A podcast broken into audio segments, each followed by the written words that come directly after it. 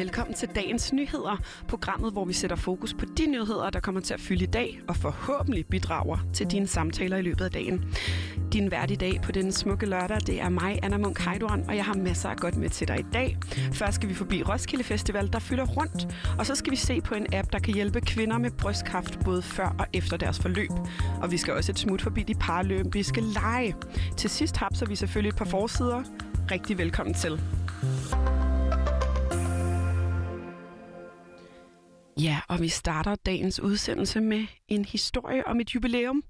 Og trods sine kun 50 år, så kan de fleste danskere nok sige, at de har en et forhold til eller en god røverhistorie om jubilaren.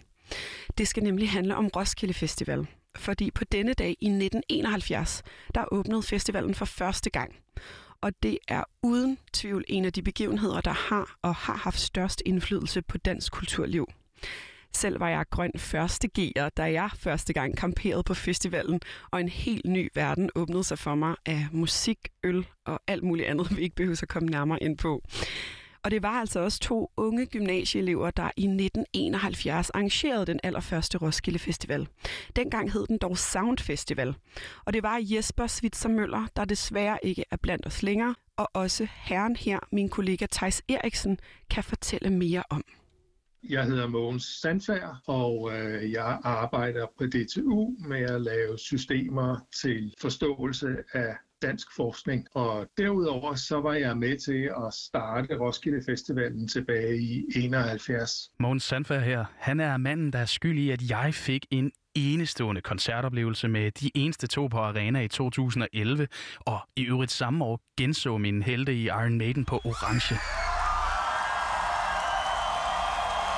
Og så er han altså skyld i, at det år efter år lyder sådan her foran Orange Arena, Gloria og alle de andre scener. Men øh, hvor Roskilde Festival i dag er en fest er de helt store, både i antal deltagere og i varighed, ja, så startede det altså noget anderledes. Baggrunden var jo, at vi var nogle gymnasieelever på Roskilde Katedralskole, der der i 69, 70, 71 var godt i gang med den lokale udgave af ungdomsoprøret, og øh, vi var godt i gang med at prøve at reformere gymnasieuddannelsen. Jesper og jeg, vi var formand og næstformand for elevrådet, og vi øh, krydrede det her med en masse koncerter med øl og snak og sjov. Og så var der en promotor eller musikkøbmand, som vi brugte en del, som øh, ringede og sagde, det her går jo godt, skal vi ikke prøve at lave en, en festival over et par dage i stedet for? Og det synes vi jo lød rigtig besnærende. Så kunne vi jo både have det sjovt i nogle dage, og vi kunne samle en hel masse mennesker også uden for skolen, som kunne snakke om, hvordan man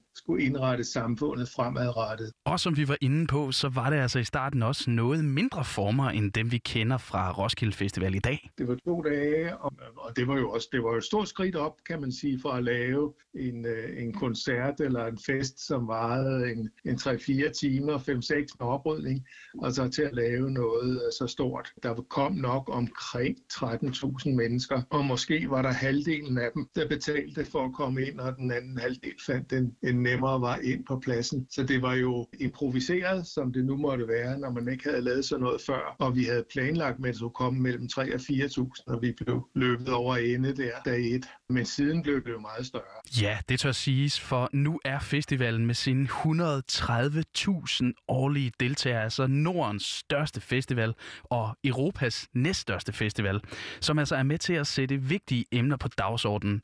Og festivalen den er non-profit, og overskuddet går altså hvert år til humanitær velgørenhed og kulturelle formål.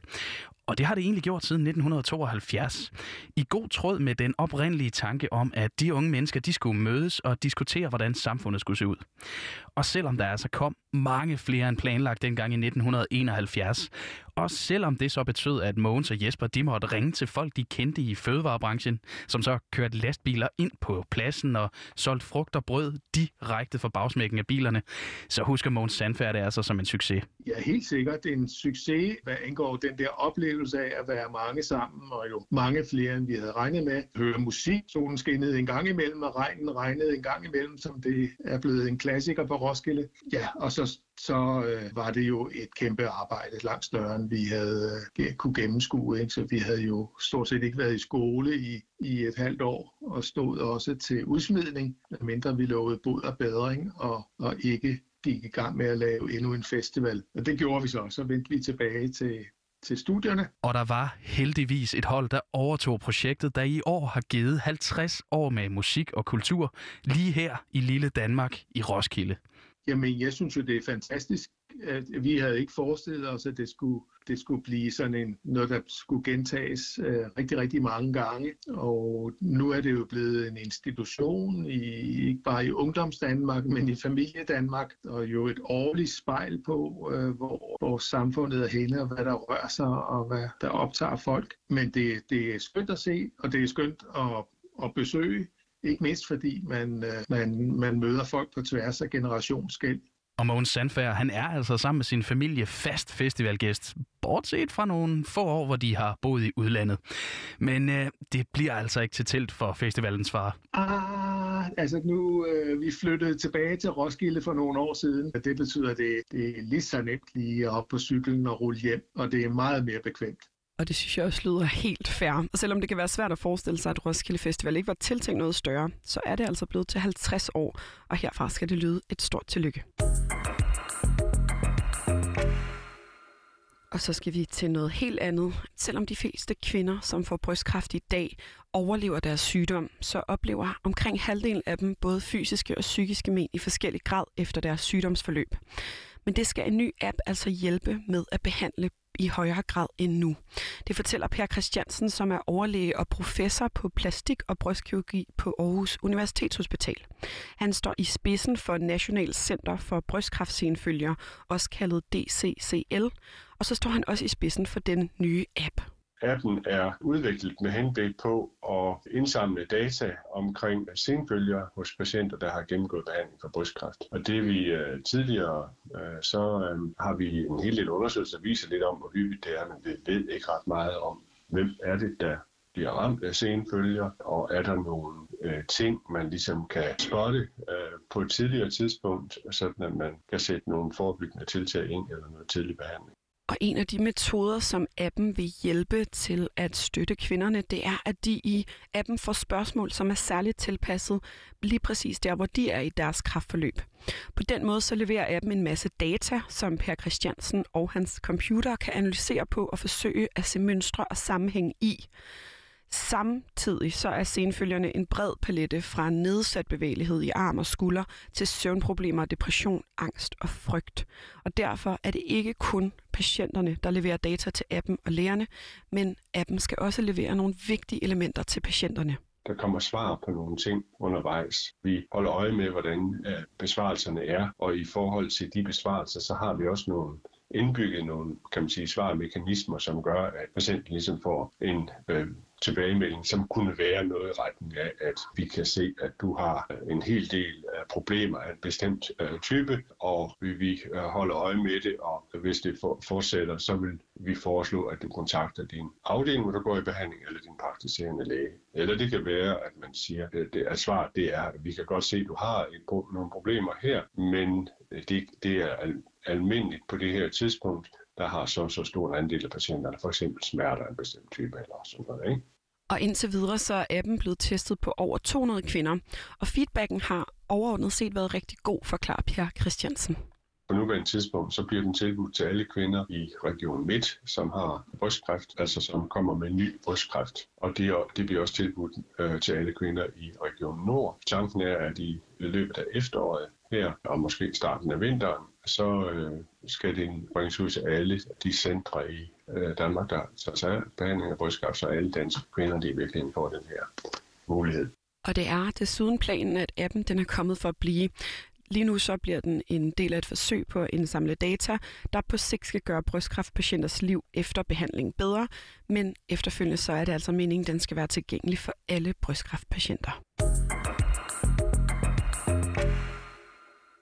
Og så skal vi et smut forbi de paralympiske lege, fordi bordtennisspiller Peter Rosenmeier har som den første sikret sig en medalje til Danmark ved at spille sig ind i semifinalen fredag. Og min kollega Rassan El Nakib, han, hun fangede ham lige efter kampen, som bragte ham i semifinalen. Hvordan har du det lige nu? Jeg har det dejligt. Det er jo lækkert. Det er altid svært at spille de der kampe. Det er i hvert fald, det er i hvert fald hårdt, synes jeg fordi at enten så er man, så er man helt ude, eller også så er du med i den fulde distance. Ikke? Det er super, super lækkert, at, at det kunne lykkes øh, at komme igennem. Hvordan forbereder du dig til kampen i morgen? Jamen, øh, det er en spiller, som vi kender rigtig, rigtig godt, skal møde. Øh, han har også været med i, i en del år efterhånden, og rent faktisk så har jeg sådan i paralympisk regi en, en revanche til gode, fordi jeg tabte til ham i, i semifinalen i London. Så jeg har en til gode, men øh, da vi mødtes sidst, var det i, i en VM-semifinal i 18, og der vandt jeg. Øh, så jeg tænker, at øh, det skal sgu nok gå. Vi har en rigtig, rigtig god fornemmelse af det. Der er jeg jo begunstiget af at have nogle fantastiske mennesker omkring mig, som er enormt dygtige til den del. Øh, så jeg kan bare læne mig tilbage og tage imod det, de siger, og så, så er det jo bare min opgave at, at kunne forvandle det til, til virkelighed bagefter. Og øh, forventer du, du kan det? det forventer jeg i den grad. Øh, jamen jeg, jeg, har masser af, jeg har masser af tro på det, masser af selvtid, og jeg føler også, at der er flere procenter at tage. Jeg tror, at jeg går ind og, og leverer en, en brandkamp i, i morgen formiddag, øh, og så, øh, så kan jeg forhåbentlig øh, levere det helt store show i, i morgen aften og, og ende med at, at hive det hele hjem. Og endelig skal vi tage et blik på et par avisforsider. Og lad os starte med forsiden af Jyllandsposten. Her skriver de, at øh, Loyal to Familia har været aktiv i bandekonflikter i over 10 måneder, selvom de altså blev forbudt i 2020 i Københavns Byret. Den dom skal så vurderes af højesteret den 1. september. Men eksperter siger til Jyllandsposten, at banden ikke bare forsvinder, fordi man forbyder den. Og det underbygges altså af en agtensigt fra Rigspolitiet, som Jyllandsposten har fået fingrene i. Den viser nemlig, at LTF siden byretten forbød dem, har været i konflikt med mindst to andre bander. Og så springer vi til Kristelig Dagblads forside. Den handler om en omdiskuteret lov, som regeringen Socialdemokratiet lavede tilbage i 2019, og de lovede det her i valgkampen, og det var altså, at udlandske prædikener skal oversættes til dansk. Lovbehandlingen har været udskudt flere gange, fordi den potentielt har været i strid med flere internationale konventioner, skriver Kristelig Dagblad. Senest sparkede daværende kirkeminister Joy Mogensen loven til hjørne på ubestemt tid. Men den nye kirkeminister, Ane Halsbro Jørgensen, har altså ikke glemt loven. Og til avisen så siger hun, at hun nu er ved at dykke ned i sagen. Det er nemlig vigtigt for regeringen at være åbne omkring prædikner på andre sprog end dansk, for blandt andet at forebygge radikalisering, siger hun. Og med det så kom vi altså igennem den lørdags udgave af dagens nyheder. Den var tilrettelagt af Rassan Elna Kip, Freja Paschburg, Mathias Damsgaard Holt og Tejs Eriksen. Mit navn det er Anna Munk og jeg har været din vært i dag. Tusind tak, fordi du lyttede med.